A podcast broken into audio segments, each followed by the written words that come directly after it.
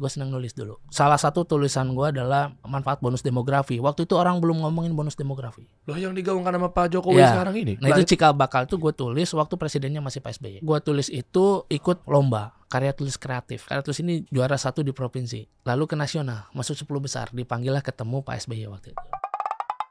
Kita kasih solusi. Lutfi Ginanjar. Om Der. Waduh, ini orang sangat komit dan serius sekali membantu UMKM. Awalnya kisahnya berdarah-darahnya gua sampai Pak Muldoko juga percaya pada Anda kan. Iya, ah, iya. Anda sebenarnya siapa sih? Lihat deh, akhirnya bikin satu platform Oke. namanya Smash Hub.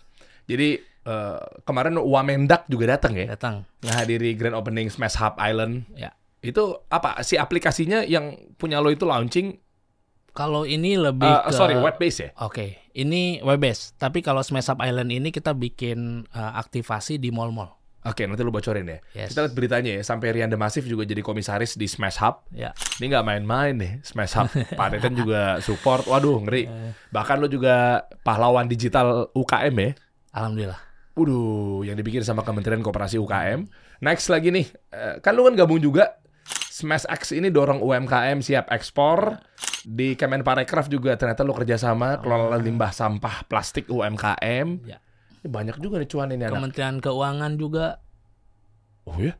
Kementerian Keuangan eh, kita sudah retain 2 tahun. Ada dua lembaga pusat investasi pemerintah, ada beberapa juga yang programnya di kita. Oke, tapi semuanya juga semangatnya banyak bro yang bilang kami bantu UMKM. kami begini, kami begitu. Pas gua cek, ya ogah-ogahan, setengah-setengah gitu loh. Ya. Makanya gua udah pantau Smash Hub Indonesia nih Instagramnya di 21 ribu. Ini gua mau incar dari awal. Jujur, gua tahu ini Hmm. sama lu tuh kayak gue pikir dua orang yang berbeda bro. gue ngelihat semangat lo nih, ini Lutfi semangatnya begini. Ya. Ada Smash Hub. Gue nggak tahu di belakangnya siapa, tapi Ya. gue tahu dua-duanya nih. Gue pikir dua orang yang berbeda. Kita sempat ketemu kemarin di event uh, Opening Jacklot. Eh bukan. BJB. BCB. Yes. Gue jadi juri di situ. Lo lo lo juri juga Gue sih? juri yang kedua. kedua ya. Ya. Akhirnya kita ngejuriin ada beberapa yang mau kita eh, inkubasi lah ya. Inkubasi, gitu. Ya kan sampai akhirnya lu punya platform gede banget Smash Hub. Ini clear Amin. banget benar-benar membantu dan Sabang sampai Merauke-nya sebenarnya gue kepo berangkat dari awal kisah perjalanan lo sampai akhirnya ada di titik yang gimana caranya UMKM bangkit di Indonesia. Ya. Gimana, Ced? Awal ya, awal. Oke, em, ini pertama kali gue ceritain di podcast. Waduh, ini ngeri nih karena banyak hal-hal konfidensial yang memang ternyata kebongkar juga. Ya. Ini lu lu lu harus cerita tentang Oke. yang bareng sama Pak Muldoko. Oke. Waduh, dipercaya sama orang-orang hebat di saat umur lu 23 tahun. Ya. Pak Jokowi juga lu bantu di saat umur lu 20-an tahun. Ini orang bukan sembarangan nih orang. ini. Oke, lanjut.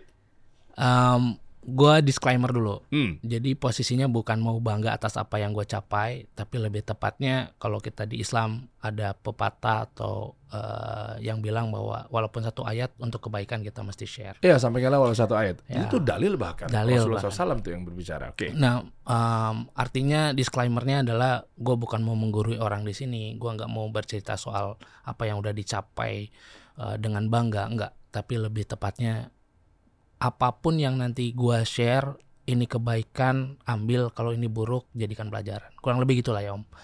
Wow. Nah, jadi kalau kita bicara apa namanya gue siapa, gue bukan siapa-siapa, gue bukan em, orang yang mau dikenal juga itu nggak sama sekali. Kenapa demikian? Karena buat gue lebih menarik untuk gue mengenal lebih banyak orang daripada dikenal om. Dan posisinya ketika kita mau ngomongin UMKM, kenapa gue sampai hari ini concern terhadap itu? Karena itu udah menjadi darah daging. Oke. Ya, orang tua bukan siapa-siapa. Papaku cuman kelas 4 SD, Om, sekolahnya. Dia Habis itu? pernah jadi tukang beca, pernah jadi tukang eh, apa namanya ojek, tukang jahit, Oke. sampai pada akhirnya bikin usaha kecil-kecilan di rumah mebel, furniture. Oke. Perjalanan itu yang membuat gua gua bilang bahwa UMKM ini darah daging karena orang tua aja udah di situ. Hmm. Dan kita nggak tiba-tiba lahir di kota. Gua lahir di Sukabumi, eh, kampung om. Sukabumi dari kota ke rumah gue itu 4 jam. Dari kotanya, bukan di Jakarta nih. Kalau di Jakarta sebelum ada tol itu mungkin 8 jam, 7 jam. Hanya untuk nyampe ke rumah. Kalau kita bawa kendaraan, kendaraan yang rusak karena jalannya rusak.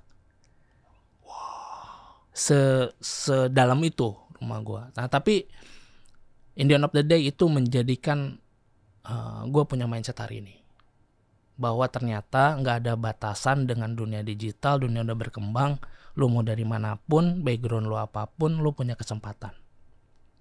Oke. Nah, kalau bercerita soal hidup gua dari awal memang sudah uh, tap dengan keadaan. Gue justru melihat bahwa kemiskinan tidak relate dengan kebodohan. Tapi yang relate dengan kebodohan adalah kemalasan. Oh, oke. Jadi walaupun gue waktu nggak mampu, iya, iya, miskin, iya, gue nggak iya. berhak untuk bodoh. Ya, makanya yang yang penting adalah gue nggak malas. Dari nggak malas itu dari SD, SMP, SMP, SMA, gue sekolah banyak ambil beasiswa. Tapi beasiswanya bukan karena pintar, bukan karena jago bisnis, tapi karena main bola. Oh, Gue hobi banget main bola om. oke. Jadi waktu dulu cita-cita gue cuma satu, kalau nggak jadi pemain bola jadi guru olahraga. ya, oke. Ya, nah tapi dari situ gue banyak belajar dari keterbatasan, dari ke apa namanya ketidakmampuan itu gue mempersiapkan. Gue baru pegang handphone itu SMA Karena nggak mau terpapar gadget atau karena nggak punya duit? Satu didikan orang tua tidak mengajarkan untuk serta merta lu begitu aja untuk ada handphone dengan kebebasannya. Oke. Yang kedua memang karena dari sisi ekonomi kita nggak juga mendukung kita tiba-tiba punya gadget yang bagus.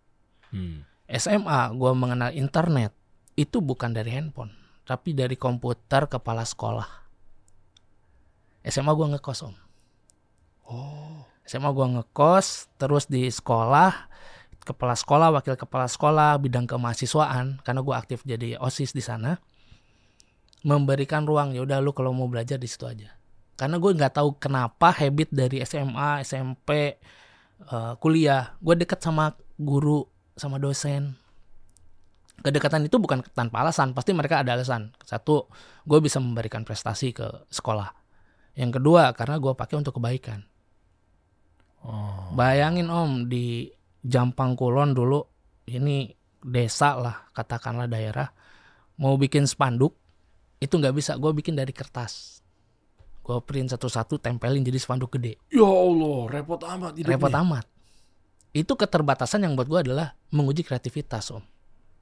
Ah. dari situ terus gue eh, pakai komputer kepala sekolah itu gue nulis. Gue senang nulis dulu. Gue nulis. Salah satu tulisan gue adalah eh, manfaat bonus demografi waktu itu orang belum ngomongin bonus demografi Loh yang digaungkan sama Pak Jokowi Ya. sekarang ini? Iya. Nah itu cikal bakal tuh gue tulis waktu presidennya masih Pak SBY. Singkat cerita gue tulis itu ikut eh, apa namanya lomba karya tulis kreatif yang dibikin sama Pak Presiden Pak SBY. Oh, oke, oke. Ya, Ya. 2004 2000 empat ya? enggak Eh, Pak, 2009. 9 ya, yang kedua Pak SBY yang 2009 periode kedua ya. Pokoknya akhir-akhir deh, belasan lah, akhir-akhir. Akhir-akhir periodenya Pak SBY. Nah, begitu gue bikin karya tulis, karya tulis ini juara satu di provinsi. Lalu ke nasional, masuk 10 besar, dipanggillah ketemu Pak SBY waktu itu. Orang kampung, belum pernah punya mimpi ketemu pejabat. Oh, oke. Ya, mimpi aja enggak, Om. Bayangin, gimana kalau kita ngalamin enggak pernah. Nah, tapi amazingnya waktu itu gue tiba-tiba nulis, tiba-tiba tulisan ini diapresiasi, gue harus bercerita, ketemu sama Pak SBY waktu itu dan beberapa pejabat untuk bercerita, "Ap- lu yang tulis yang lu tulis itu apa? Bonus demografi. Gue bercerita bahwa Indonesia akan seperti ini. Anak muda lebih banyak, apa segala macam. Hmm. Nah dari sana terbuka mulai om, mulai dari cara pemikiran, mulai dari wawasan ini mulai terbuka. Gue coba baca-baca terus dari sana. Walaupun di situ kondisi gue ada di kampung, ada di daerah. Ya, nah begitu kondisinya sudah mulai terbuka, gue mulai mengetahui bahwa jejaring itu penting banget. Gue punya kenalan di sana di sini, berorganisasi sana sini ini penting banget.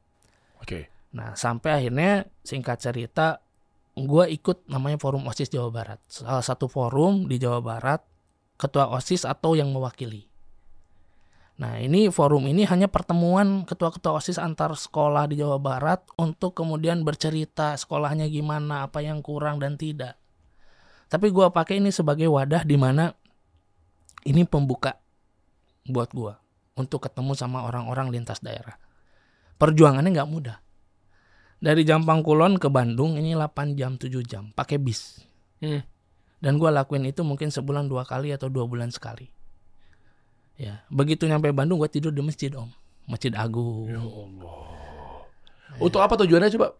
Tujuannya untuk bagaimana antara ketua OSIS ini berjejaring, lalu kita Nah. berbagi. Oh ini kurangnya apa di sekolah ini? Ini kurangnya apa di sekolah ini? Lu lu, menginisiasikan itu atas dasar apa? Contoh misalnya apakah dari Kementerian Pendidikan pengen Nggak. punya program Jadi tertentu? dari di Jawa Barat tuh ada dinas pendidikan. Nah ini ada yang menginisiasi orang eh, teman-teman senior seniorku menginisiasi lebih dulu sehingga mereka membuat jejaring ini untuk berbagi. Ah, oke. Ya karena kan di Jawa Barat ini banyak banget sekolahnya om ribuan SMA. Ah, iya, iya, Di mana di dari kampung ke kampung atau daerah dengan perkotaan kan beda. iya. Sehingga bagaimana ini memfasilitasi orang daerah juga punya kemampuan yang sama. Nah sehingga ujung-ujungnya secara objektif bahwa pendidikan kita naik nih, Exactly. Eh, teredukatif semuanya. Ah, Oke lanjut lanjut. Akhirnya, Nah dari sana kan ketemu teman-teman yang ini dari Ciamis, dari Tasik, mereka mereka ketua osis. Yang kemudian awalnya gue pikir ini cuma berteman aja. Hmm. Ya berteman aja. Habis itu ya udah kita bikin event, kita punya program kerja, ngumpul-ngumpul gitu. Nah long story short, setiap perjalanan gue dari Jampang Kulon ke Bandung atau pas lagi di Bandung di Masjid Agung, gue selalu ketemu sama pedagang asongan. Gue selalu ketemu sama orang-orang di bawah lah katakanlah yang jualan pecel lele apa segala macam. Ini yang menginspirasi ya. Oh ya ternyata mereka pun sampai hari ini punya usaha kecil-kecil-kecil ini bukan instan, mereka butuh perjuangan. Hmm. Nah begitu ini di reminder pada saat gue ngampus, pada saat gue setelah kampus. Nah sampai akhirnya tadi bilang satu backgroundnya adalah keluarga, yang kedua lingkungan karena gue ketemu sama mereka. Maka gue bilang UMKM ini di dalam tubuh gue ini udah mendarah daging om. Hmm. Karena tadi selain keluarga, lingkungan. Nah begitu singkat cerita nih ngumpulin anak-anak osis, kita bikin kegiatan bareng-bareng. Di situ setiap ngundang program kerja yang namanya ada crowd perkumpulan orang-orang, orang pada pengen diundang. Ya. Ya salah satunya kita selalu ngundang-undang pejabat pastinya. Oh, jadi lu sebagai kayak semacam wadah atau IO, Ya. gimana caranya lu concern banget untuk mengedukasi Betul. dari sisi itu UMKM juga udah termasuk UMKM salah juga satu termasuk salah satu program ya? bagian dari sana. bagian ya. Ya kan Betul. jadi lu ngundang orang yang paling banyak tadinya apa? Undangan itu untuk untuk untuk eh, nge-share ilmu apa? Untuk pendidikan untuk anak-anak siswa. Nah, itu dulu ya itu dulu ya. awalnya. Oke, habis itu nanti ke mana-mana. Nah, salah satunya adalah yang lu undang beberapa pejabat juga. Ya. Ah, karena Beberapa tahu concern tentang pendidikan di Indonesia. pendidikan dan juga kita lebih ke motivasi. Bagaimana sih mindset kita anak-anak siswa eh, SMA, SMK waktu itu punya pemikiran bisa jadi orang. Katakanlah Oke. pejabat lah, pebisnis lah. Oke, terus lu undang siapa? Eh, banyak nih pejabat-pejabat yang kita undang. Salah satunya mungkin Pak Muldoko yang kita undang eh, ke beberapa kegiatan. Di luar dari forum OSIS pun aku bikin kegiatan yang mengundang beliau. Kenapa beliau? Memang beliau concern sama pendidikan. Kenapa nggak Menteri Pendidikan? Salah satunya em, concern beliau itu terhadap UMKM juga. Oh. Dan yang kedua, waktu itu memang gue punya jejaringnya ke sana Oke. gitu. Nah singkat cerita kita bikin ada acara di eh, salah satu kampus, bukan forum osisnya, ada kampus ngundang Pak Mul kita ngobrol. Secara logika Om, setiap ngadain acara yang ngundang pasti ngobrol dong sama yang diundang. Oh iya, buat brief, Iya buat kan? ini apa ya? Ngobrol. Gitu ya. Nah, gue orangnya hobi ngobrol. Tapi ngomonginnya tuh ngomongin gagasan. Jadi kalau ketemu sama orang, eh lu apa? Gue ini. Oh kita bisa kayaknya bikin ini. Itu loh. Oke. Nah begitupun dengan satunya Pak Muldoko. Oh, Bapak konsen terhadap anak muda dan UMKM. Waktu itu. Gue juga hobi terhadap dua objek itu. Selain mendarah daging UMKM sama anak muda, ya gue juga bagian dari anak muda. Iya. Yang kita obrolin adalah bagaimana memberdayakan UMKM sama anak muda ke depan. Ya, nah di situ Pak Mul juga punya satu gerakan membuat komunitas namanya Sahabat UMKM. Oke, sahabat UMKM. Nah, ya. nah gue bantu di Jawa Barat. Gimana caranya bikin Sahabat UMKM di Jawa Barat? Oke. Singkat cerita, ini berjalan. Gue kenal sama Pak Mul, kita banyak diskusi. Gue anggap itu sebagai bagian dari mentor. Jadi kalau Om Der lihat eh, gua tuh orangnya senang belajar. Kalau ketemu orang, gue pengen banget belajar. Begitupun dengan Pak Mul. Nah, gue senang belajar sama beliau, spiritnya beliau, ketegasannya, karena dia beliau juga mantan panglima, Iya. punya bisnis juga gitu loh. Nah, gue belajar banyak. Sampai akhirnya suatu ketika, udah lu ikut ke Jakarta aja. Kenapa lu? Karena tahu bahwa lu Nah. orangnya transparan, lu orangnya emang mau belajar gitu. Gue juga pernah nanya kenapa gue. Ah. Salah satunya mungkin karena spirit yang gue punya. Ya, spirit yang gue punya, yang pertama mau belajar, mau bekerja keras tanpa gue pernah menghitung kebaikan orang. Hmm. Nah, eh, prinsip gue pengen belajar ini bukan hanya ke Pak Mul, gue liatin, bukan hanya ke orang besar. Gue ketemu, katakanlah ada orang pedagang asongan, satpam segala macam, gue belajar dari mereka. Dan itu yang dilihat sama Pak Mul. Oke. Tibalah Jakarta. Tiba Jakarta, gue belum lulus om. Umur berapa? Berarti masih 20-an, 21, 20-an. Oke. Nah, Jakarta tuh masih ngurus-ngurus skripsi lah. Hmm. kata-kata akhir kan. Nah, eh, apa namanya berjalan sampai akhirnya ke sini, gue nggak tahu mau ngapain di Jakarta, gue nggak tahu mau ngapain. Dan kita pun nggak mungkin ngikut-ngikut terus pamul kan, Oke. ya kan. Iya. Nah, jadi begitu datang ke Jakarta, gue coba untuk inisiasi aja. Udah apa yang dibutuhin, gue bakal bantu support gitu. Sama itu untuk kebaikan. Gue ngekos di daerah Tebet. Huh? Ya, terus tiap pagi itu sama salah satu mentor lagi namanya Mas Rio Koto. Ada satu mentor dikenalin sama Pak Mul juga. Tiap pagi itu nemenin beliau nyerutu di rumah. Tapi di situ posisi timing yang pas untuk kita ngobrol. Karena di pagi hari ketemu otak lagi fresh, kita ngobrolin apa apa yang mesti dibuat, apa yang ini, apa yang ini gitu kan. Nah di situ gagasan-gagasan terhadap bagaimana pengembangan UMKM. Dan singkat cerita dalam perjalanan itu gue disuruh bantu Pak Jokowi. Lu bantuin lah Pak Jokowi. Ah, Oke. Di tahun berapa tuh? Ya. Di tahun... Itu di tahun 2014-an lah. Oh, oke.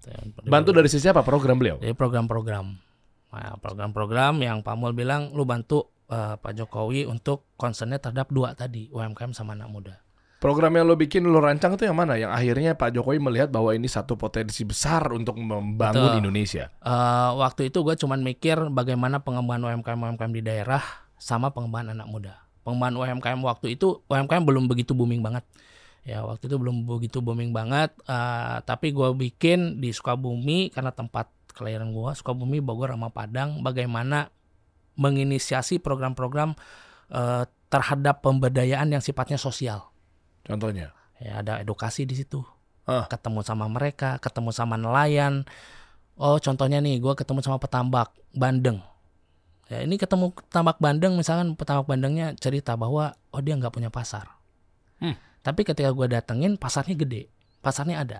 Kenapa nggak pernah sinkron? Karena ada gap.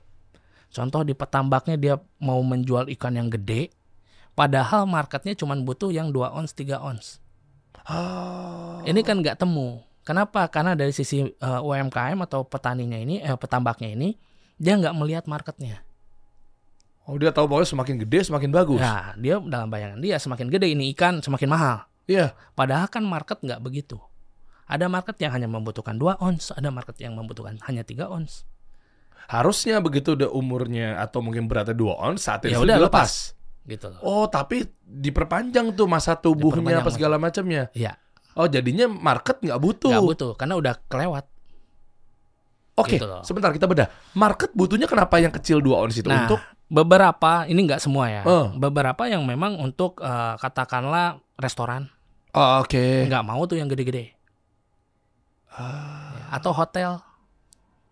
Nah, jadi memang tergantung siapanya dulu marketnya ini. Nah, kebetulan waktu gua terjun ke sana, marketnya yang ada ini market buat hotel sama market buat eh, apa namanya eh, catering Karena dua industri itu kebetulan besar di Besar. daerah sana. daerah sana.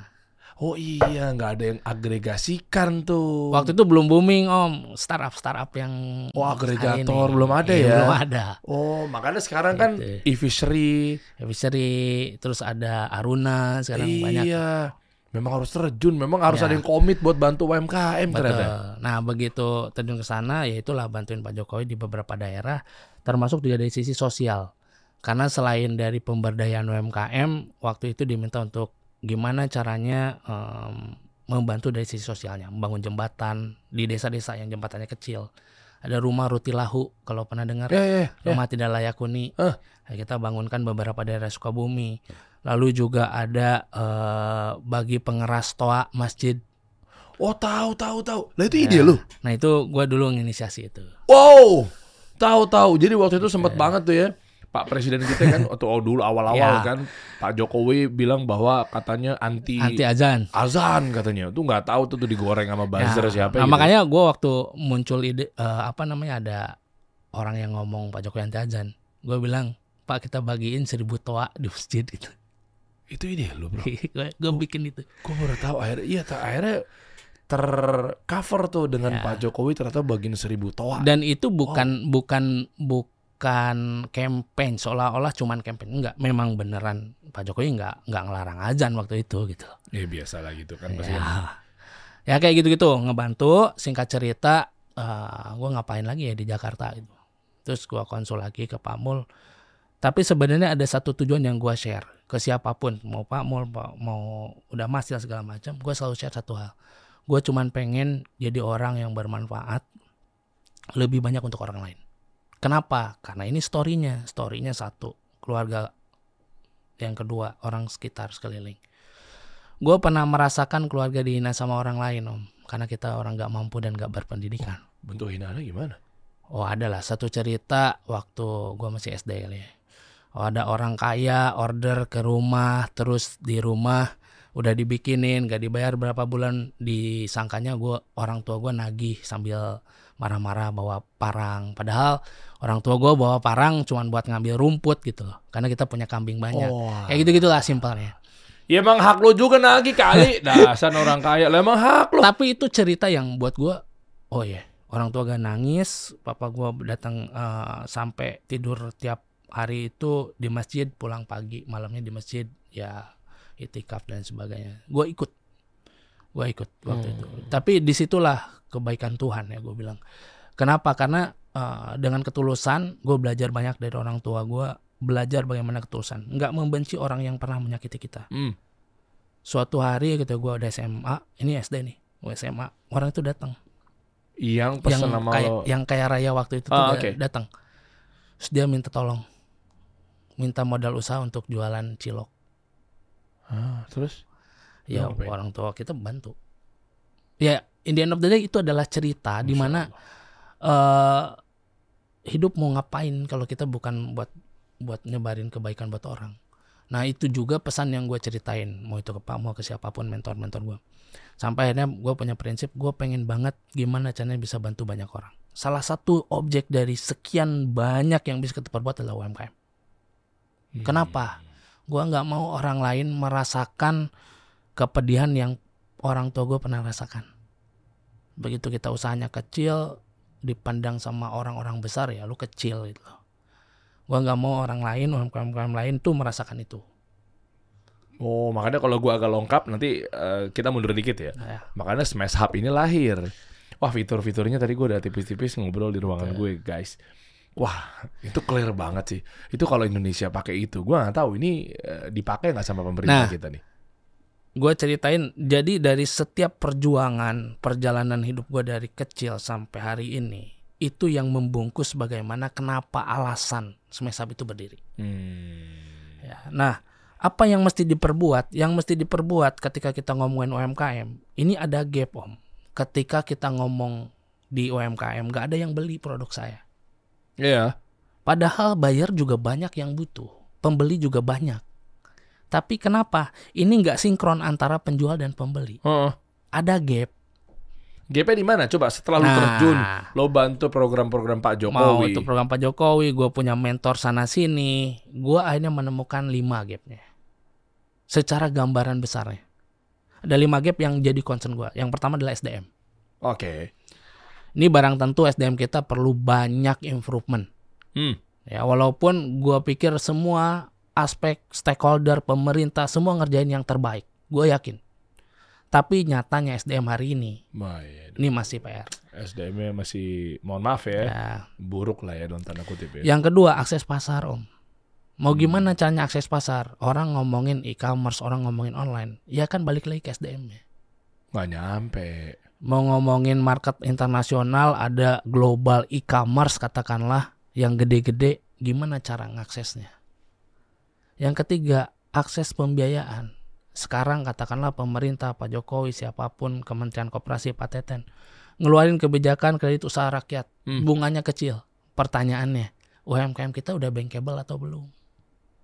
Kok programnya kayak nggak ini ya? Ya, art- itu. artinya yang mesti disiapkan UMKM-nya dulu, SDM-nya ini. Nah, yang Oh. keempat akses regulasi perizinan. Om Dery kalau mau kita ngomongin ekspor nih, misalkan izin, satu satu jenis produk itu satu izin. Mm-mm. Nah itu diperolehnya juga nggak gampang, gitu loh. Nah ini butuh effort. Sementara UMKM hari ini mau produksi, malamnya juga bisa jadi nyuci baju gitu. Artinya pekerjaan mereka udah CEO, Chief Everything Officer. Iya iya iya iya. Ya, nah ini susah. Dan yang terakhir yang kelima problemnya adalah kualitas produk. Karena UMKM kita jarang banget ada yang R&D. UMKM kita ngelahirin produk itu bukan dasar keinginan market, bukan kebutuhan market, tapi keinginan dirinya sendiri. Nah, maka kualitasnya tentu eh, di standar itu. Nah, gap inilah yang kemudian gue pikir Smesab harus jadi solusinya. Meskipun dulu belum tahu namanya apa. Meskipun dulu belum tahu namanya apa. Gue cuman punya satu keinginan, punya perusahaan ini untuk menjadi pusatnya UMKM. Ah, Oke. Nah, wow. ma- maka namanya Smash Hub, SMEs dari UMKM bahasa Inggris. Hub itu pusat.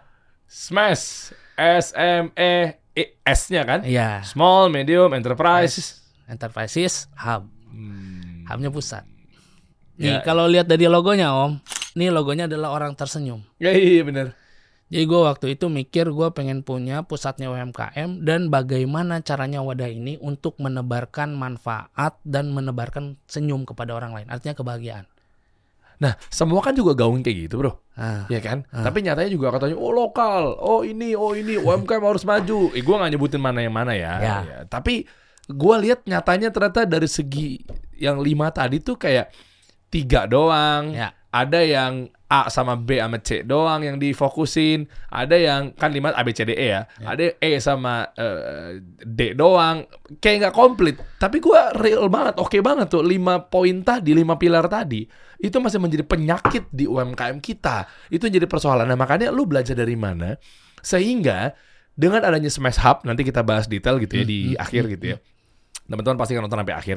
Eh, bukan lagi menjadi kayak buruan-buruanan orang kayak bulan-bulanan lagi. Ah paling sama aja. Itu loh poinnya. Nah makanya ternyata gara-gara lu belajar sama Pak Muldoko. Sebenarnya gue mau mundur dikit deh. Apa yang lu temukan sampai akhirnya bisa lu curahkan di Smash Hub gara-gara lu banyak belajar ketemu sama para para ah, UMKM di ya, Indonesia pelosok-pelosok apa segala macam sehingga bahwa ilmu ini yang mahal kisah ini yang luar biasa pengalaman ini yang berharga akhirnya lu tuang tuh ke Smash Hub itu kan jadi kan bener-bener lu terjun langsung jangan cuma ngakunya UMKM UMKM tapi lu nggak tahu kondisi nelayan gimana hulunya gimana kan sekarang lagi eranya hilirisasi, bro. Hilirisasi. Ya kan kita program Pak Jokowi keren tuh. Nah itu gimana sih menurut lu? Nah jadi gini, awal lagi ya. Mm-mm. Mundur dikit aja, gue pengen tahu sehingga Smesap ini layak untuk kita sama-sama. Yuk kita belajar ke sana loh. Yang pertama pengalaman keluarga, yang kedua lingkungan, yang ketiga waktu bareng itu beberapa kali bantu presiden, otomatis gue punya kesempatan untuk datang ke daerah-daerah, Oke. ketemu sama UMKM langsung. Bahkan ketika program sosialnya, gue hampir dua bulan tinggal di rumah-rumah penduduk. Oke sebentar, itu lu yang ngajuin Gue yang ngajuin, atau Pak Jokowi atau mungkin siapalah para gue para pejabat yang bilang, ngajuin. sempat ada tawaran kayak sebenarnya lu ini ke mana arahnya gitu? Ya, ada lah. Oke. Cuman gue lebih memilih konsen terhadap apa yang menjadi goals gue. Bagaimana untuk bisa bermanfaat dengan jalanku sendiri. Oke. Ya, nah singkat cerita, gue pilih untuk jadi pebisnis dibanding pilihan-pilihan lain lah katakanlah. Mm-mm. Gue milih, gue maunya jadi pebisnis kok pak. Mau bisnis apa? Simple. Gue waktu itu mikir nggak neko-neko, pengen punya satu kafe, udah deh cukup. Ngomong ke siapa? Ya ngomong ke orang-orang lah. itu lah ya, ya, yang memang waktu itu ada di negara Ya, dan seterusnya Terus gitu. dia ya. bilang, ya kalau mimpi lu pengen banyak bernebar manfaat ke orang, ya harusnya lebih gede dari itu. Gitu. Kenapa lu kafe waktu itu? Anak muda umur Anak 20-an ya? muda 20-an ngelihat Bandung santai-santai punya kafe tiap hari nongkrong ya udahlah. Karena waktu ya, itu belum mindsetnya belum sampai pada level yang wah gua harus jadi gini jadi gini jadi gini. gue harus bantu negara belum ke situ ya. Belum. Akhirnya eh, kasarnya diketawain dalam tanda kutip ya. Ya. Ngapain lu Malah malah kalau ngapain? Ini bukan bukan level di sini katakanlah gitu. Bukan berarti itu nggak baik, bukan berarti itu kecil. Tapi di, beliau percaya bahwa lu bisa ngelakuin lebih dari itu. Gitu. Jadi gue seolah-olah ditampar, diingetin om, lu bisa loh lebih dari itu. Gitu. Ah, oke. Nah ya udah dari situ gue bilang, gue orang yang pantang untuk bilang tidak. Selama itu positif. Oke. Lu ke sana, oke? Di sana gue mau ketemu apa, mau belajar apa itu beliau pasti tahu gue pasti orangnya belajar. Tuh, gue tiba-tiba disuruh, lu pergi ke Surabaya. Mau ngapain pak? Ah pokoknya pergi aja. Datang ke sana ketemu petambak. Ya gue tahu caranya dengan petambak gimana. Nah ini pengalaman pentingnya Om Der. Gue beruntung bisa ada di dua sisi. Satu sisi gue deket banget sama UMKM. Karena gue ketemu, gue bagian dari mereka. Satu sisi, gue deket sama orang besar. Mau itu pejabat ataupun pengusaha-pengusaha besar. Oke. Ya, almarhum Arifin Panigoro, Oh, Medco. Medco, UI. Prof. Rena Kasali, Rumah Perubahan, Guru Besar FEB UI. Ya. Banyak banget orang-orang besar gue kenal.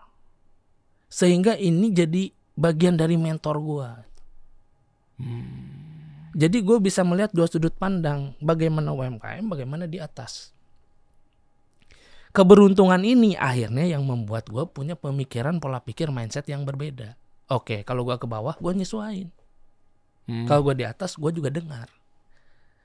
Nah inilah yang merubah akhirnya pola pikir. Yang tadinya cuma mikir, gue kayaknya punya satu kafe. Oh enggak, ternyata masih banyak hal yang kita lakukan. Ketika kita jadi orang yang beruntung hari ini. Tapi gue punya formula keberuntungan om. Gimana tuh? Keberuntungan adalah kesempatan yang bertemu dengan kemampuan. Wow. Oke. Kesempatan bisa dicari, kemampuan bisa diasah. Oke. Jadi kalau kita mau jadi orang beruntung, asahlah kemampuannya, carilah kesempatannya. Ah, jangan duduk manis. Jangan duduk manis. Ya, ya, ya. Nah, maka kemampuan gua asah. Ketika waktu itu gua nggak tahu bisnis, gua nggak tahu cara berorganisasi, birokrasi, Hmm. gua nggak tahu. Itu gua pelajarin. Lalu kesempatannya dikasih lu ikut ini, lu ikut ini kan? Iya. Kesempatannya dapat, kemampuannya ada, jadilah keberuntungan. Itulah yang kemudian uh, gua juga pernah ikut di profesional bekerja. Salah satunya di uh, otoris channel partnernya Alibaba. Lu sebagai direktur yang ada di Indonesia? Ya, direktur channel, uh, direktur otoris channel partner Alibaba. Iya, iya, iya. Di Karena Indonesia. Alibaba.com. Wow. Iya, Alibaba kan asing. Jadi kalau ke Indonesia harus ada yang Ya, apa ya? nah ada partner-partner di Indonesia. Heeh. Nah itu dipimpin oleh satu perusahaan konglomerat lah di Indonesia. Eh, itu berjasa banget buat gua. Gue belum pernah ketemu lagi sama eh, orangnya dan secara tidak langsung beliau yang mengajarkan gua semua juga. Di luar dari Pak Mul, di luar dari udah Masir, di luar dari Prof. Rena Kasali dan semuanya.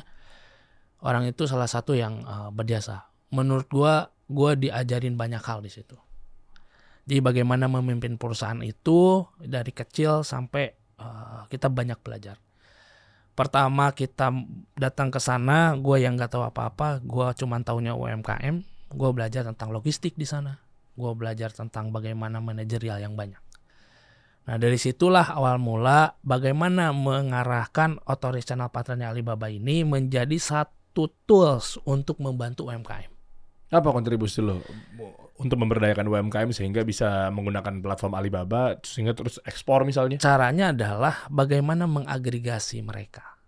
Ah, Oke. Yang tadinya kecil bisa jadi besar, yang tadinya besar bisa jadi berkualitas.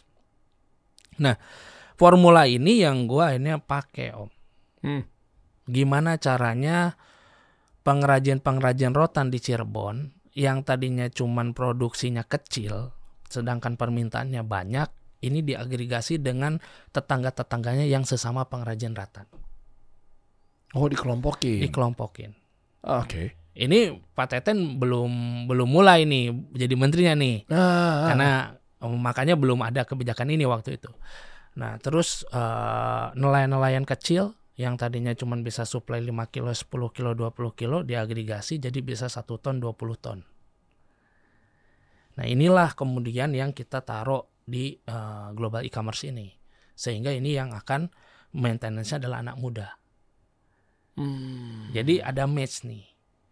Nah singkat cerita, pengalaman ini membuat gue mempelajari banyak hal. Salah satunya bagaimana ada ada sinergitas antara anak muda dan UMKM. Yang di mana kalau Om Dea tadi ingat cerita gue di awal, gue konsen terhadap dua itu. Ya, ya, ya. Ini gue penasaran sih korelasinya antara anak muda UMKM. Eh, Nebak-nebak buah manggis, iya. Tapi gue pengen tahu clear nih, biar lo juga keluar dari bener-bener kita s- ngobrolnya sinkron banget kan. Yes. Ya jadi pengen bener-bener apa sih tujuannya anak muda UMKM? Udah gue bisa ketakar aja, tapi gue pengen dari lo nya ya barangkali ini satu lebih oke kan? Nah, sampai akhirnya gue pernah eh, belajar di situ lah. Gue jadikan itu pembelajaran, gue Heeh. resign, gue bikin smash up. Bikin smash up ini dengan lima problem tadi. Formulanya adalah empat hal. Edukasi, Heeh. kurasi, inkubasi, sampai dengan transaksi. Itu formula yang gue pakai di smash up. Yang tadinya pengalamannya ada di Ada di eh, Alibaba? Alibaba itu, di channel partner Alibaba. Oke, bro, bahas bentar channel partner Alibaba nih, bro. Sampai akhirnya ada di Smash Up gitu ya. Lahirlah Smash Up. Eh, kontribusi apa waktu itu lo bikin? Gimana caranya bisa untuk dapetin buyer? Mm-mm. Oke, terus gabungin antara anak muda sama UMKM. Sama UMKM. Hasilnya apa? Gue penasaran di situ. Hasilnya adalah akselerasi. Jadi yang tadinya UMKM-UMKM kecil susah untuk mengakses market global, ini bisa jadi cepat. Kenapa? Karena ada digitalisasi di situ, Om. Anak muda perannya adalah, Anak muda yang manajerial digitalisasinya. oh, lu bagi begitu. UMKM fokuslah sama produksinya. Oh iya iya iya iya. iya. Ya, jadi dua sisi ini berbeda antara produsen dan manajerial. Sehingga yang tadinya UMKM CEO, Chief Everything Officer itu, Eh. itu berubah. Jadi dia hanya produsen fokusnya, sedangkan manajerialnya ada anak-anak muda. Oh, gue nangkep. Ini sambil diskusi ya, bro. Ya, UMKM kan taunya produksi. exactly. ya kan dagang-dagang dagang malamnya masih nyuci baju Betul. tadi gue suka tuh ilustrasi dan analogi tadi tuh gue suka banget emang beneran gitu ya Real itu, Om. real gitu ya nah sementara ya belum sementara sorry. UMKM dulu. UMKM taunya produksi UMKM taunya gimana caranya besok harus sudah muter lagi dari berangkat dari subuh hari gitu kan keliling lagi ke pasar lagi. Dia fokus di situ aja UMKM nah eh, celakanya dalam tanda kutip ketika dia masuk ke ranah yang namanya nyenggol-nyenggol porsinya anak-anak muda dalam tanda kutip gini loh. UMKM udah tahu fokus produksi aja, tapi giliran ke branding mereka yang susah. Ya. Ke marketing mereka nggak mampu. Manajerial berantakan. Laporan keuangan amburadul. Gitu Ya, kan? betul. Makanya mereka tuh produsen aja fokus produksi Betul. aja. Nggak ada yang nolongin. Nggak ada yang nolongin. Lu gandeng anak muda, lu agregasikan anak-anak muda yang dia yang fokusnya adalah kreativitas, kreasi, Betul. konten, digitalisasi, hilirisasi dan seterusnya sehingga lu kawinin tuh. Ya. Dia nggak perlu produksi gitu ya. Betul. Oh. Jadi gini Om, ada satu hal yang menarik setelah gua baca-baca. Indonesia itu dikenal dengan ekonomi padat karya. Mm-mm. Nah inilah salah satu implementasi yang gua terjemahkan. Mungkin juga bisa salah persepsi, tapi gua pribadi terjemahkan bahwa inilah ekonomi padat karya. Di mana sebenarnya maknanya adalah kolaborasi. Kolaborasi itu siapa? Bisa siapa pun hari ini terjadi. UMKM dan anak muda bisa. Yang punya produk dengan nggak punya produk bisa. Kenapa? Anak karena ada dua habit yang berbeda. UMKM jago banget di si produsen om. Iya. benar. Pengukir di Jepara mau ukiran apa pun dia bisa. Penjahit mau ngejahit apa pun dia bisa. Tapi giliran manajerial, ini mungkin jadi tantangan. Tapi dibalik, anak muda suruh ngejahit, anak muda suruh tanam di sawah, anak muda suruh ngukir, mungkin gak banyak Oke. gitu loh. Tapi anak muda punya kelebihan. dia bangunnya handphone, tidurnya sama handphone. Digitalnya melek banget, Om. Iya iya iya. iya. Itu loh. Nah, kenapa nggak memanfaatkan dua kondisi ini? Bagaimana anak muda dengan kreativitasnya karena dekat dengan digital, ini dimanfaatkan untuk mengembangkan UMKM. Jadi spirit gue adalah bagaimana menciptakan wirausaha baru dengan memberdayakan UMKM. Ah, Oke. Gitu. Jadi tidak kanibalisme juga. Tidak juga anak muda sama-sama membuat eh, apa namanya bisnis tapi membunuh UMKM enggak. Iya. Justru gandeng mereka. Oke, nah lo kawinin itu dalam bentuk apa tuh ada di Smash Up nanti ya? Ada. Ah, ini loh yang gue mau gali tadi gue agak potong sedikit biar teman-teman dapat insight dulu tuh. Kenapa UMKM sama anak muda tuh lo bentuk, ya kan? Akhirnya lo kawinkan gitu ya. Ternyata poinnya adalah UMKM kita, uh, kudu kalau soal produk mah nggak usah Udah. dilawan bro. Produksinya keren-keren banget. Tapi masalahnya adalah ketika mempublikasi, memasarkan itu kendalanya. Betul. Nah, pengalaman itu akhirnya gue implementasi di Smash Up. Gue pelajarin ada dua hal yang menarik. Satu UMKM, yang kedua adalah anak muda. Mm-mm. Ada nggak sekarang orang yang nggak ngomongin UMKM? Mau tukang cilok sampai presiden ngomongin UMKM. Om. Iya. Yang kedua anak muda. Ada nggak orang sekarang yang nggak ngomongin Indonesia Emas 2045?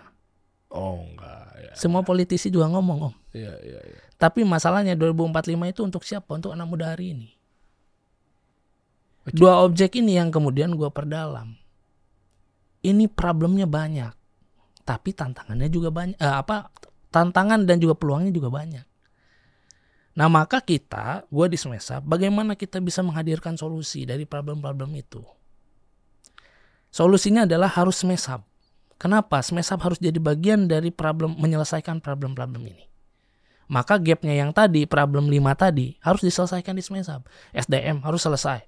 Pas akses pasar harus selesai. Akses modal, izin, kualitas produk, kita harus selesaikan.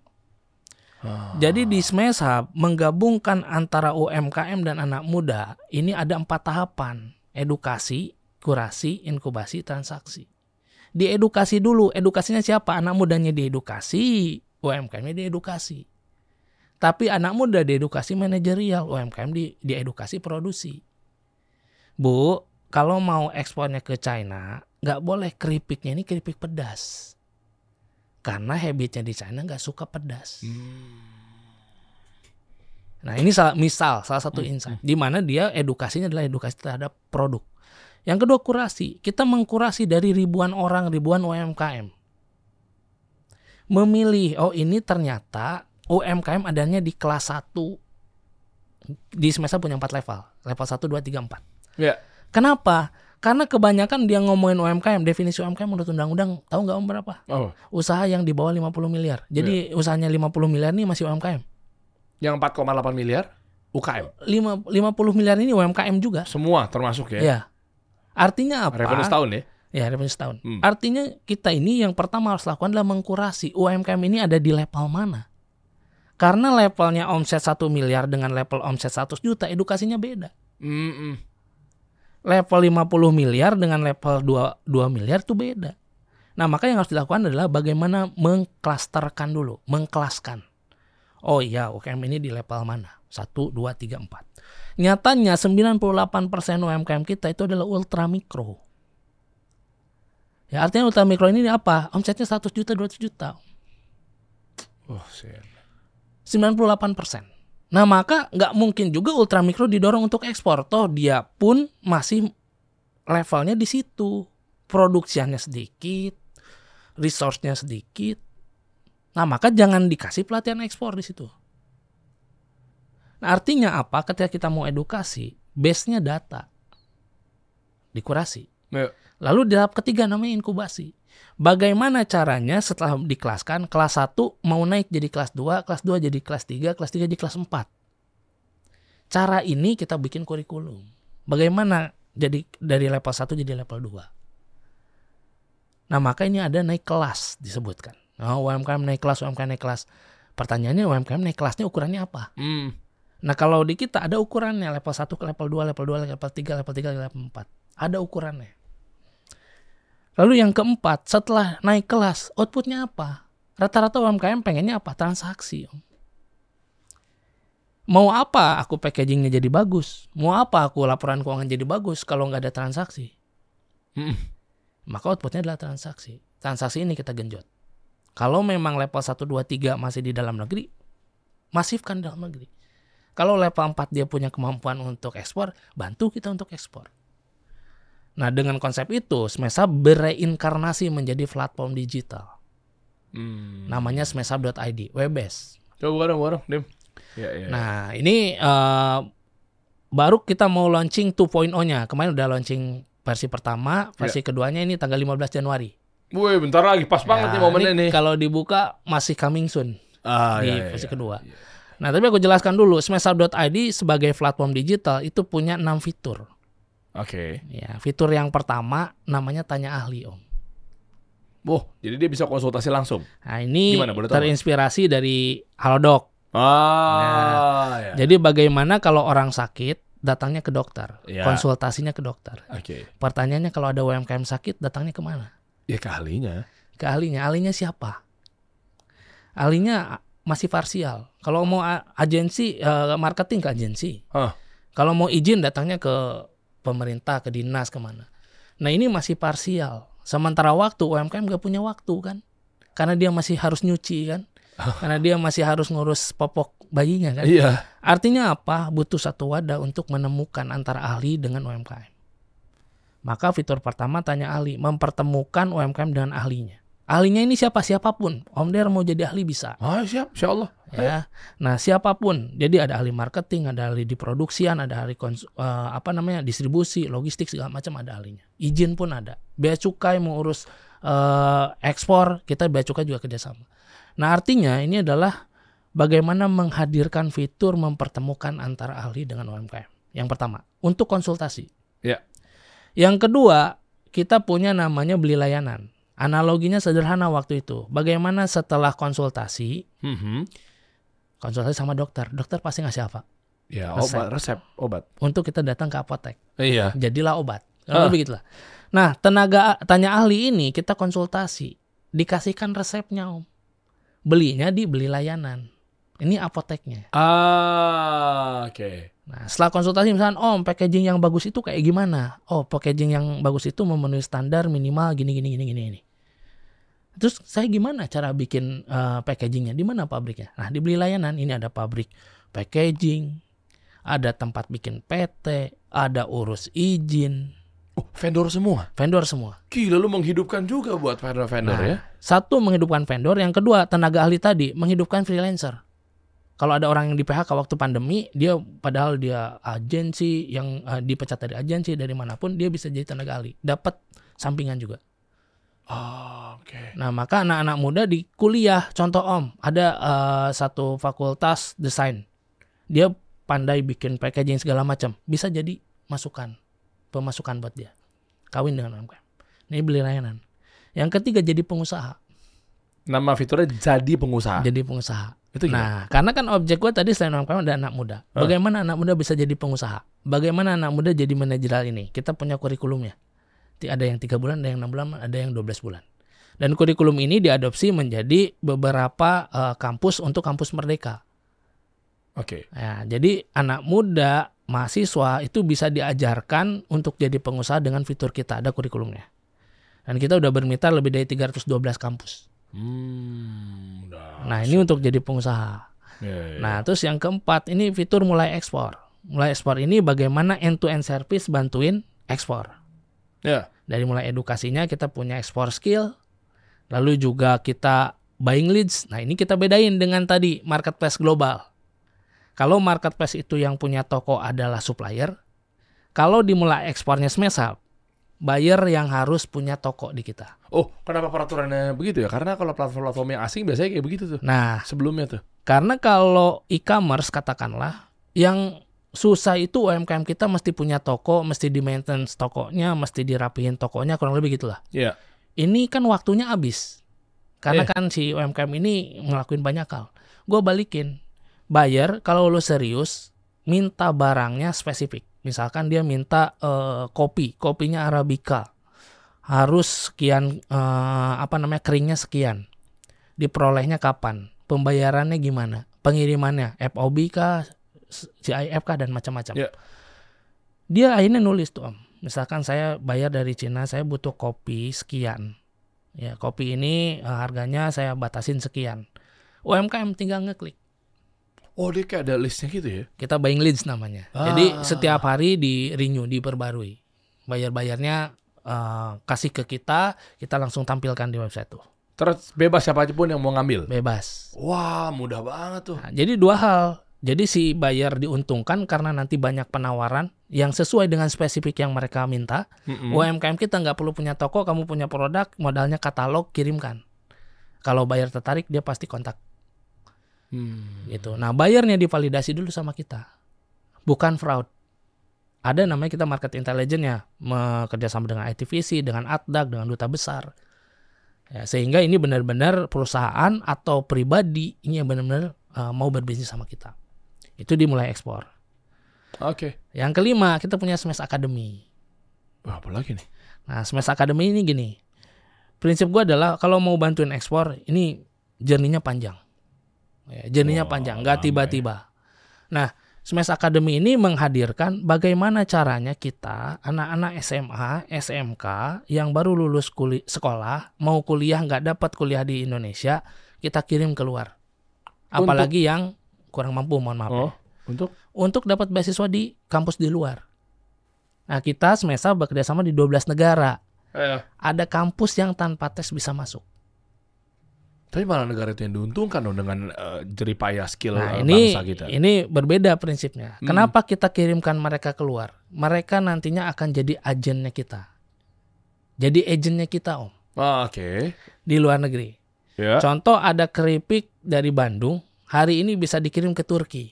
Kenapa? Karena ada orang kita di Turki. Wah, itu. Nah, sehingga di di sana tugas mereka selain belajar, mereka juga berjejaring dengan pengusaha-pengusaha di sana. Dan kita dalam waktu setahun mereka udah di sana, kita bangunkan PT di luar negeri supaya Ah. jadi agregatnya di luar. Oke. Nah, sehingga ini journey yang panjang tapi kita lakukan. Dikirim ke sana, di sana mereka bangun relasi, punya jejaring bisnis. Kalau ada bayar di sana, mereka yang akan validasi. Eh, ini ada bayar di Turki, alamatnya ini coba dicek. Wah, keren komplit semua Smash Hub ya. Nah, artinya ini satu satuan ekosistem yang eh, tidak bisa dipisahkan. Nah, itu yang kita kirim ke luar negeri ini bisa beasiswa. Karena kita juga carikan dari Bajnas, dari banyak banyak organisasi-organisasi eh, muslim juga atau juga dari pemerintah di sananya. Punya Ah. kebijakan untuk menampung beasiswa dari eh, pertukaran pelajar.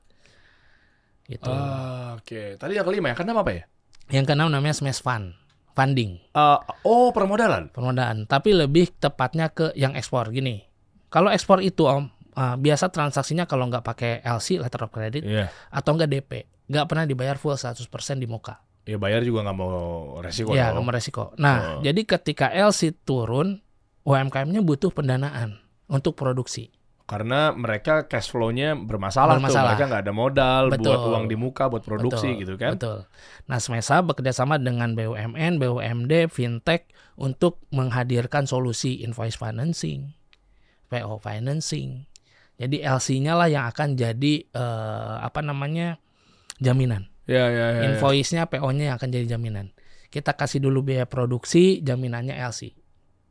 Hmm. Jadi begitu bayar-bayar, eh, ba- bayar-bayar, tinggal dipotong karena biaya produksi tadi. Dan itu ada hitungan kayak semacam mudorobah nggak kalau akadnya? Ini kalau gue lihat sih Ya. akadnya sih tadi sih sesuai dengan fikih muamalah ya. Betul. Artinya iya kan maksudnya mau syirkah kita kolaborasi taruh sama-sama modal Betul. atau memang cari uh, apa ya, mudoroba gitu ya, mudorib dan seterusnya gitu. Itu gimana Nah, konsepnya? kalau di Smesa contoh nih mau ekspor, kita open, terbuka. Ya kalau katakanlah sifatnya mudharabah atau syariah, kita ikutin prinsip-prinsip itu sebenarnya Om. Keren. Jadi contohnya gini. Dari supplier harganya 1000, dia open, "Bu, harga Ibu bikin berapa?" 1000, Pak. Bu, ini ada buyer yang mau 2000, ada untung 1000. Ibu kasih ke kita sedikit aja, 200 nggak apa-apa atau 100 nggak apa-apa. Sisanya buat Ibu. Ah, ya. prinsip semesa satu terbuka, yang kedua nggak boleh kita ngambil lebih besar daripada supplier, Hmm. nggak boleh kita membebankan UMKM. Jadi Woi. porsinya harus mereka lebih dulu. Nah, itu udah jadi prinsip dan semua teman-teman di Smash Up tahu itu. Mantap. 6 fitur, guys. Nah, enam fitur. Ini kalau mau clear bantu UMKM tuh coba benahin dulu keborokan-keborokan dari fitur-fitur 6 ini. Bener kan? Karena Ya. memang kendalanya tuh di situ. Jadi kita ada dua eh, solusi yang besar. Yang pertama digital solution yang 6 fitur, Ya. yang kedua ecosystem solution. Oke. Apa itu ecosystem solution? Kita punya Smash Experience, punya Smash Food, punya Smash Trade, punya Smash Live, sama Smash Academy. Oke. Nah, ini di luar fitur nih, Om. Ya. Ya, contoh apa Smash X eh, Smash Experience? Kita bikin island-island di mall atau bikin acara-acara. Kan itu di, di luar fitur Oh ya, jadi kayak buat pameran gitu buat ya. pameran. Atau justru handle eh, B2B. Kayak B2B itu apa? Contoh ada BUMN yang pembina UMKM nggak mau eh, ribet, kita kolaborasi. Ya. Nah, itu ada bank-bank yang misalkan punya program pemberdayaan UMKM, tapi kan ekspertisnya mereka di finance, ekspertis UMKM-nya di kita. Nah, kita kolaborasi. Nah, itu ada Smash Experience. Ah, oke. Gitu. Ya kalau Om eh, mengenal ada satu bank besar, terus punya campaign wirausaha muda mandiri. Tahu, tahu. Nah, itu sama kita juga. Oh, jadi BUMN BUMN juga ternyata mereka melek mau bantu UMKM tapi Sangat. mungkin bingung caranya juga. Kali ya. ada BUMN yang tidak membina UMKM. Wow. Mau BUMN, BUMN pengerjaan konstruksi, aspal, gedung, jembatan semua membina UMKM. Oh iya iya karena namanya juga badan usaha milik negara gimana Iya. caranya dia malah justru memprioritaskan lokal-lokal Betul. kita nih as sebagai vendor, ya kan, supplier dan Ya. seterusnya. Nah, itu rata-rata kan gini, masing-masing orang mungkin punya expertise ya Om. Ah, termasuk kita lah. Aku pun nggak mungkin tiba-tiba jadi fotografer kan kurang lebih gitu. Hmm, iya iya. Ekspertisnya di UMKM. Nah, begitupun BUMN atau lembaga-lembaga yang membina UMKM. Sebenarnya mereka nggak ekspertis di situ. Tapi kan punya spirit yang sama, punya motivasi yang sama, punya tujuan yang sama. Maka apa salahnya kita berkolaborasi? Begitupun kita di Smesa, oh ekspertis kita bukan di dunia pendidikan misalnya, pendidikan formal. Oh kita kerjasama dengan orang yang mengerti di situ. Iya. itu. Tapi kita samakan goalsnya samakan tujuannya. Nah itu di ekosistem eh, ini ekosistem solusinya Smash Food contohnya. Setelah kita berjalan dua tahun setengah dengan bantuan banyak orang lah oh ternyata kita 57% UMKM yang gabung di kita itu makanan Hmm, F&B ya. makanya kita ya. bikin ekosistem makanannya Jadi Ini- semacam apa kayak layanan antar juga atau gimana? bukan kalau Smash Food lebih tepatnya ekosistem untuk eh, membina si UMKM khusus di makanan Ah, oke. Nah, kita ada ekspertisnya, namanya Mas Ivan. Ini udah belasan tahun di FNB. Ah, Oke. Kita gandeng, Mas di FNB udah sekian tahun, ayo mengabdi ke UMKM. Spiritnya sama, pengabdian ke UMKM. Tanpa digaji om awalnya. Dahsyat. Tapi eh, spirit itu yang kemudian oke, dengan tulus membantunya. Ketemu cendol di pasar lama di Tangerang. Cendol ini punyanya ibu-ibu. Gak mau berkembang, gak punya brand. Sentuh sama profesional. Jadilah brandnya bagus, masuk ke Raffi Ahmad kemarin, satu cendol, apa segala macam. Nah, itu poin-poin di mana UMKM itu sebetulnya treatmentnya beda dengan corporate. Iya dong. Om Dery sekarang bawa uang miliaran datang ke UMKM mau invest belum tentu mau. Iya. Kenapa? Karena beda. Oke oke. Nanti lo jawab. Itulah. Eh, jangan di, di dikasih tahu dulu Ya. karena ini ada kisah yang gue alamin pribadi. Nanti lo bisa Oke. observasi ya bro ya. ya, ya, ya. Gue beberapa udah tahu kenapa, tapi mungkin kan lu lebih tajam ya. Karena memang fokus lu kan bener-bener langsung terjun ke lapangan apa segala macam. Ini menarik makanya jadi ingetin gue kayak gini nih. Gue kemarin ke Banjarmasin. Ya. Banjarmasin perjalanan dari Banjarmasin ke Tabalong. Akhirnya yang gue ke Plut. Plut. Akhirnya gue coba jadi pembicara diundang ke sana tuh di PLUT kan. Ya. Eh, Pusat Layanan Usaha Terpadu. Nah, jalan dari eh, punyanya Kemenkop UKM ya. Betul. Eh, program Pak Teten tuh keren tuh. Jadi dari Kaliman eh, dari Banjarmasin ke Tabalong itu perjalanan kalau nyantai dan berhenti-berhenti 6 jam lah. Gila. Dahsyat dong. Keren. Ya kan? Nah, mampirlah di sebuah satu tempat restoran kecil gitu di Hmm. jalanan lintas yang biasanya dari Banjarmasin ke Tabalong itu kan ada jalan penghubung kan, Betul. jalan luas gitu kan. Eh, di sebelah kanan itu jalan ada satu store lah, ya restoran kecil lah, tapi rame. Ya itu- itu sate fokusnya. Sate eh, masak habang. Jadi sate ayam Tapi habang itu bumbu merah Mhm. kalau di Kalimantan. Jadi dimasaknya pakai bu- bumbu merah. Sate ayam biasa pakai bumbunya bumbu kacang. Kacang. Nah, tapi di kacangnya tuh katanya dimasak atau dikasih bumbu. Jadi sate ayam Maduranya itu jadi warna merah. Oke. Jadi kayak bumbu pedes. Padahal nggak pedes maksudnya gitu ya. Eh, Bagi gue yang doyan pedes gitu ya.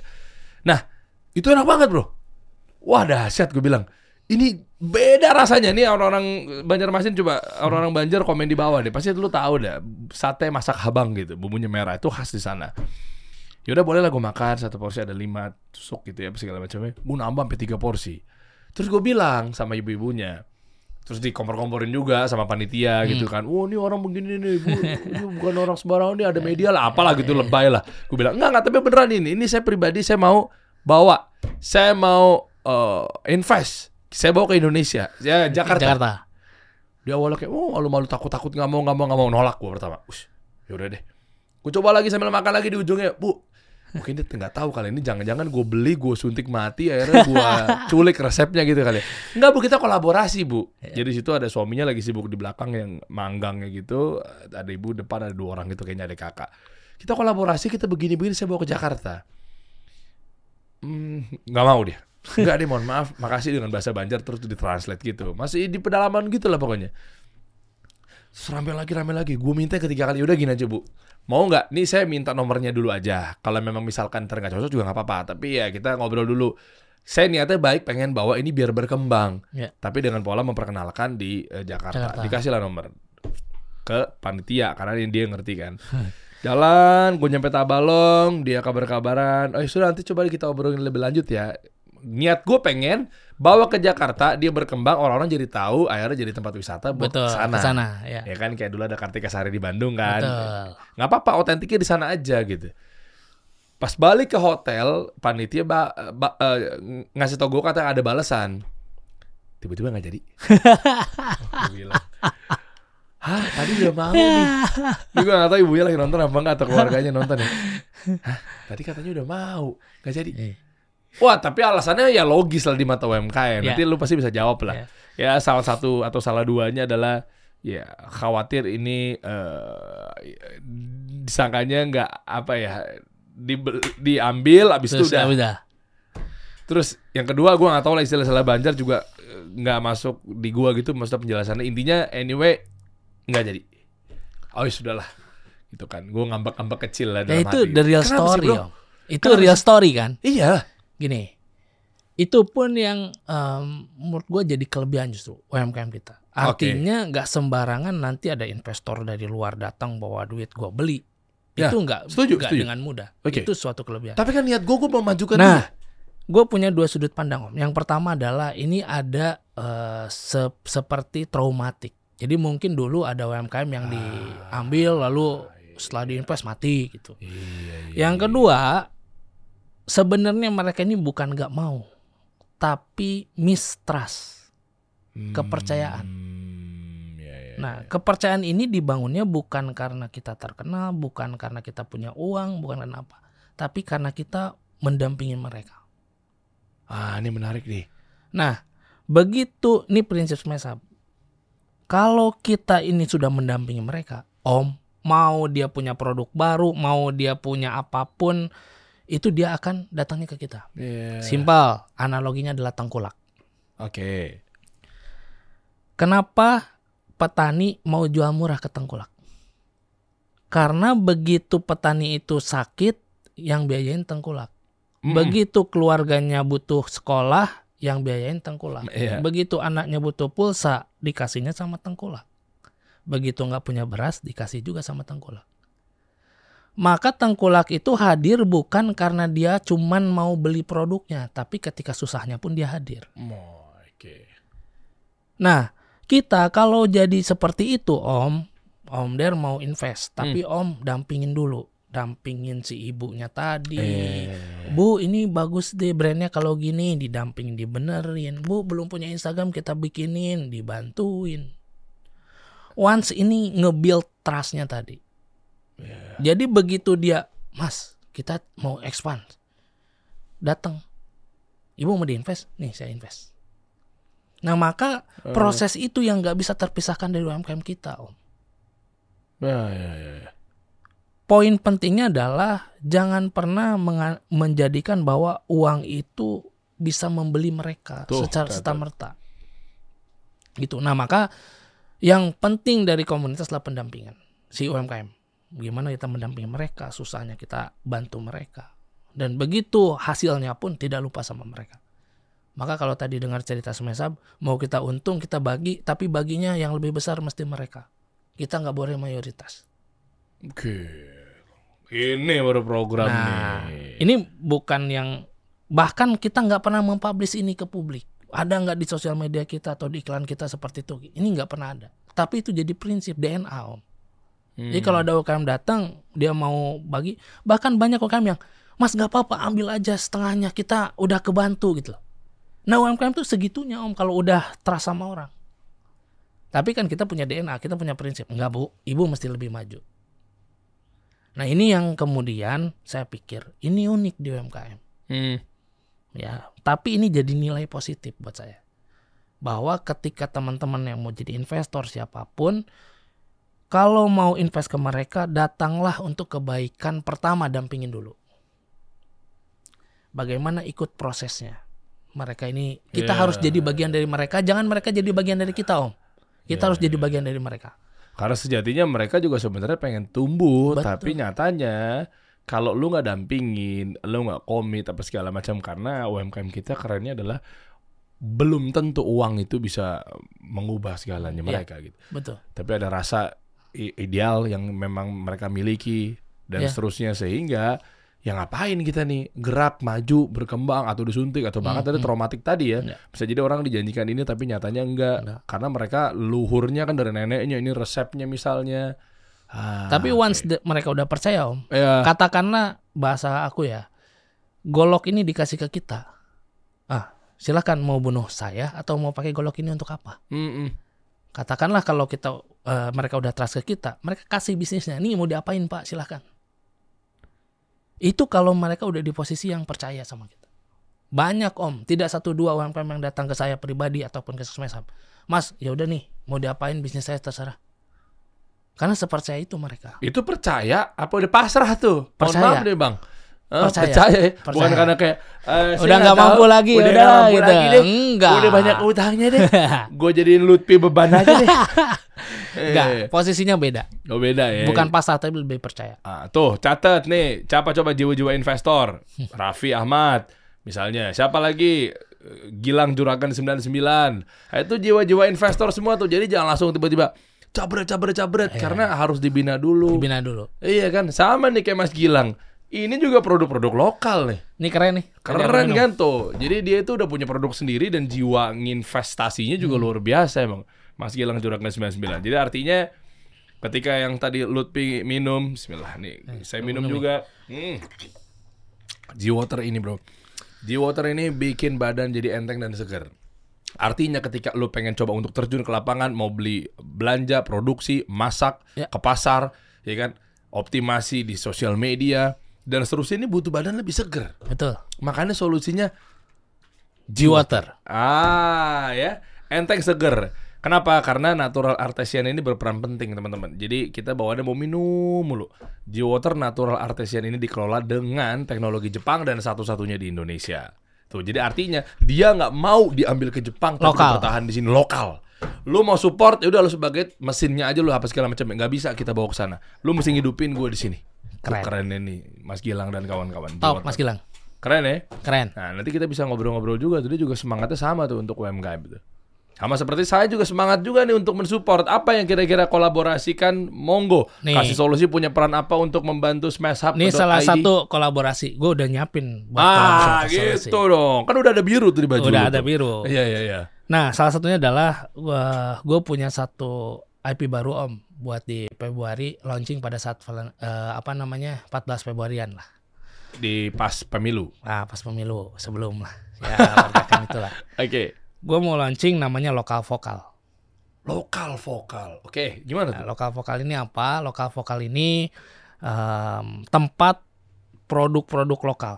Jadi kondisinya gini nih. Ketika gua ngebangun Smash Up, gue ini selalu pakai lokal, Om. Jam, Eh, baju, semua. ini baju gua nih, ini baju gua sendiri yang lokal. nih. minta dong. Ya nanti Beli ya. nanti Enggak, gua kasih. Nah, ini lokal yang- terus. Apa yang kemarin tuh? Ini pala. Pala. Ya. Kan dia ikutan di Yes. apa namanya BJB. programnya? Yes. BJB itu. Yes. YEZ Yes. itu ya. Yes. Jadi semua selalu lokal. Kacamata lokal. Eh, oke. Nah, ketika ketemu katakanlah pejabat atau semua orang lah hampir rata-rata yang interest terhadap apa yang gue pakai, selalu nanya, itu belinya di mana? Nah, terus ada satu trigger yang buat gue ini terngiang-ngiang. Satu pejabat di pemerintahan, terus beliau bilang gini, Wi, kalau saya mau beli produk lokal itu di mana adanya? Hmm.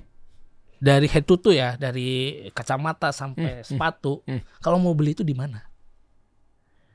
Kita nggak bisa jawab om. Gue waktu itu nggak bisa jawab. Kenapa? Di marketplace hijau, marketplace oranye. Ya itu nggak semua. Ya nggak semua nyampur, Lokal. bahkan yang asing juga banyak. Bahkan data di kita 90% memang produknya impor, 10 persennya lokal. Hmm. Nah, gue pengen menghadirkan satu platform atau tempat si lokal vokal ini untuk jadi tempatnya brand-brand lokal yang bisa dibeli sama semua orang. Tapi ini terkurasi banget Oke, ini wadahnya bentuknya apa? platform Eh, uh, maksud gua web aplikasi? eh, web. Oh. Tahap pertama web. Nah ini gue mau launching di Februari. eh nih Eh, ikut dong, kita ikut harus Ayo dong. ya. Iya dong. Nih ini semua, media lokal loh ini loh. Ya, ini Eh. semua saksinya nih. Iya dong, Kasih ini solusi boleh. harus gabung lokal vokal. Ayo dong. Ya. Support, support, support. Kita pilih 100 UMKM ter the best untuk ada di situ. Oke. Nah, jadi nanti secara per bulan kita akan gilir 100 ini yang terbaik. Jadi tiap bulan ada 100 Dikurasi, baru, 100 baru, 100 dikurasi. baru. Nah, ujung-ujungnya mereka kalau memang misalkan si konsumen Mm-mm. pengen nyari produk lokal yang kualitasnya Di luar situ. biasa, bisa distandarisasi dengan produk-produk luar, ada di situ. Ada di lokal vokal. Nah, ini kan kita media support lokal kita nih. Ya. Media kasih solusi ini kan support lokal brand. Mhm. Gimana caranya untuk bisa kawin sama eh, lokal vokal? Lokal vokal. Entah itu nanti gue dari sisi gue bikinin IP itu nanti dari Ya. sisi eh, media, ya dong. Ya kan, misalnya lu fokus di web base, Ya. nanti gue coba untuk masukin ke TV digitalnya dalam tanda kutip di situ adalah sifatnya ya mau apa pun itu mau talk show, podcast apa segala Ya. macam, ya memang di situ powered by kasih solusi. Betul. Jadi nanti kita bisa bikin lokal vokal eh, khusus dikasih solusi. Ah. Contoh, setiap brand yang bagus kita pilih ada sebulan itu 4 dari 100, the best of the best. Empat ini nanti bisa sharing sama kasih solusi. Nah, ya, jadi kalau udah di kuratif nanti yang yang pemenangnya atau mungkin Pemenangnya, unggulannya ya. bisa duduk di sini. duduk di sini. Karena duduk di sini kan kita juga kuratif juga. Enggak, bukannya apa ya teman-teman ya. Artinya eh, kita juga pengen kasih manfaat yang ke lainnya kan kalau memang isinya cuma kayak ini lu ngundang siapa sih Der? Gitu. Ya. Kan masalahnya ada lebih banyak atau mayoritas yang membutuhkan channel Betul. ini untuk belajar ketimbang minoritas yang memang duduk di sini tapi dia tidak terkuratif kan. Betul, Om. Nah, jadi spiritnya si lokal vokal ini nanti kalau kalau bisa makan solusi, Ah. duduk di sini ini untuk memotivasi semua orang. Ya ya ya. ya. Dan kita punya peraturan nggak boleh itu itu lagi. Contoh misalkan jam nggak boleh ini ini lagi. Heeh. Bulan depan ya ganti, bulan depannya lagi ganti. Jadi melahirkan kita sebut sebagai lokal champion. Jadi mereka tahu. Ah, ini yang gue cari bro. Serius nih. Gitu. Kenapa? Karena gue serba bingung gini. Gue ngundang orang. Ya kalau ngomong kasarnya dia lokal. Bagus oke. Tapi kan gue juga pun juga ada batasan untuk mana nih yang yang Betul. yang sekiranya kualitasnya yang memang dia bisa bersuara di ruangan ini gitu loh. Betul. Nah, gue pun ada kesulitan di situ, ada painnya. Makanya ketika ketemu, lu kurasi, gue mediasikan gitu loh. Exactly. Nah, di akhir tahun Ah. annualnya Heeh. kita bikin majalah khusus ini the best selama setahun produk lokal. Ah ikutlah. Gue kalau gini ikut gue. Ya, Ya, jadi ya, setelah podcast tiap minggu misalnya atau sebulan berapa kali di akhir tahun kita kumpulin mereka bikin satu majalah ini the best of the best di tahun sekian, tahun sekian, tahun sekian. Ada penganugerahannya kayak Forbes 30 of 30. Ah, iya, mereka gitu-gitu. punya, maksud kita nggak punya Masih under 30 ya. Kasih solusi under 30. Wah, iya, Kita ada KBC kasih solusi bisnis club gitu ya. Artinya di sini kita bikin kayak semacam pelatihan buat UMKM gitu kan. Apa segala macamnya. Nah, itu nanti bisa kita coba cek dan kita sinergikan gitu ya. Ya. Dan gue setuju tuh lokal vokal tadi kalau untuk ke depannya juga eh, akhirnya kita bisa terjun. Kita insya Allah yang jalan sama kita bisa kapan ya Dim ya? Nah ini juga mungkin bisa dicocok eh, cocok-cocok logikan gitu ya. Kayak Mhm. kita kemarin meeting sama Fikra gitu ya, Mhm. eh, chairman di eh, kita Kita bisa. Dia melihat ada satu kemiripan. Kita lagi coba godok bareng karena Mhm. memang ini lagi tahun-tahun panas kan. Iya, Nanti kita betul. coba nanti deh kita sekalian aja deh habis Februari deh gitu ya. Jadi terjun eh, nama programnya Insya Allah nih kita bisa kasih solusi. Oke. Jadi ke UMKM gitu. Nah, lebih kepada ke akses yang buat kawan-kawan yang pengen support. Mungkin eh, gerobak Pak ini udah Hmm. lesuh gerobaknya, udah bocor tuh eh, atap dari kiosnya, Disupport. disupport gitu. Nanti dari eh, platform kita bisa bisa Keren. support insya Allah dari segi eh eh, bantuan buat kawan-kawan kita. Kalau tadi kan orang pengen beli produk lokal. Ya. Kalau sekarang ada ternyata porsi-porsi atau sekumpulan-sekumpulan orang yang berpikir bahwa ke mana gue harus bantu UMKM kita. Exactly. Jadi gini Om, Nah, ini kita kawinin bisa tuh bro. di Indonesia ini gue percaya nggak kurang orang baik. Ya, ya, ya. ya. Ya nggak kurang orang baik. Satu sisi orang baiknya adalah tadi yang pengen bantu gue punya kapital, gue pengen bantu ke Iya. siapa gue harus kasih. Tapi satu sisinya lagi, gue pengen bantu orang dengan membeli produk. Nah itu. Nah, ini Oh, iya, iya. ini bisa menjadi satu gerakan yang menarik. Ekosistem dan Ekosistem. yang gerak. Kita meetingin deh abis ini deh. Kita Cakep. kumpulin aja tuh. Ya. Ya. kan? Kan beli itu bisa dari atas dasar memang dia butuh dan Ya. memang dia pengen bantu. Membantu, betul. Nah, kenapa nggak si donatur-donatur atau calon-calon dona- donatur ini eh, maksudnya tuh tujuannya tuh udah sekaligus membantu dan punya juga produk-produk yang berkualitas kan? Betul. Dan ini si Eh. lokal vokal outputnya adalah memotivasi brand-brand atau UMKM yang masih di tahap pengembangan. Kenapa? Yang kekurangan di kita salah satunya adalah bagaimana mindset untuk berkembang di UMKM. Ya. Karena rata-rata udah gue udah bisnis di sini ya udahlah gue udah cukup. Hmm. Nah mereka tidak impiannya tidak bertahap katakanlah goalsnya ini. ya. Nah gue pengen lokal ini jadi salah satu goalsnya mereka. Gue pokoknya tahun ini mesti masuk lokal vokal gitu. Jadi ketika dia punya mimpi itu, dia memperbaiki dirinya. Wah setuju nih gue nih Karena Gitu. ketika masuk di under 30 Ya. Ketika melihat ada dari 100 orang atau 100 brand yang memang betul-betul mencuat ke permukaan Lalu nanti kita fasilitasi dikasih solusi dan seterusnya Akhirnya Ya. mereka-mereka yang di bawah Ya. Yang tadinya mindsetnya uh, kayak program-program Kementerian UKM juga udah punya anggaran-anggaran khusus. Smash Hub juga punya wadah khusus untuk membantu mereka Kecolek tuh Ya. Wih iya ternyata hasilnya tuh nanti tuh akan begini loh Akan dilihat publik loh akan dihargai, diapresiasi dan seterusnya. Sehingga mereka juga artinya ngebangga. Gue jadi kepikiran Allah tidak akan mengubah suatu kaum tanpa dia mengubah Mengubah duluan gitu ya. mindset. Artinya Ya. kan dengan dia seperti itu. Sebenarnya gue tuh pengen gerak, tapi mungkin mager. Nah ini untuk nyentil-nyentil dan tanda kutip ya. Yang memiliki mindset yang males-malesan, ogah-ogahan. Asik juga tuh. Nah makanya gue butuh banget kasih solusi om. Ayo dong, Untuk ayo. uh, kita ngegedein movement inilah. Ya, ya. Gitu. Nah once uh, dengan tadi om bilang bahwa gue punya satu prinsip Tuhan tidak pernah membenci orang yang males, tapi Hmm. Tuhan selalu ngasih rezeki lebih kepada orang yang rajin. Ya, ya. Tuh, jadi ini jadi wadah untuk orang selalu pengen lebih dari apa yang mereka capai sekarang untuk mencapai suatu tujuan. Boleh, boleh. Deal? Deal, wah langsung salaman deal. Wah, untuk teman-teman lokal mah ayo support. Nah, jadi coba lu kumpul dulu di smashUp.id minimal Yes. Lutfi nanti akan bantu kira-kira mana yang sekiranya bisa kita sasar, kita Ya. eskalasi, kita apresiasi dan seterusnya. Ya. Nah, dari situlah baru kita turunan nanti ke lokal vokal dan seterusnya. Boleh banget. Gitu, Bro. Thank you Om Rud. Thank you. Eh, tapi ini by the way ini bikinannya coba lihat belakang dong. Bajunya ini, Ini- apa sih? Ini, lokal juga. Ginka nih lokal. Oh, dia Oh, khusus buat Smash Hub. Khusus buat Smash Hub. Smash Hub apa pun UMKM-nya, apa pun UMKM-nya, Smash Hub solusinya. Memang udah Allah takdirkan nih luar biasa nih gabung ada kata-kata Solusi. solusi. Iya kan? Udah. Udah. Tapi nggak masalah kan dengan warna biru. Anda nggak identik dengan warna-warna kan? Karena kalau sering ketemu sama pejabat kan, Hah? Hah? Beda Om. beda beda ya. Enggak. Cuman bingung aja kan tahun-tahun ini bingung milih warnanya apa. Kita kasih solusi.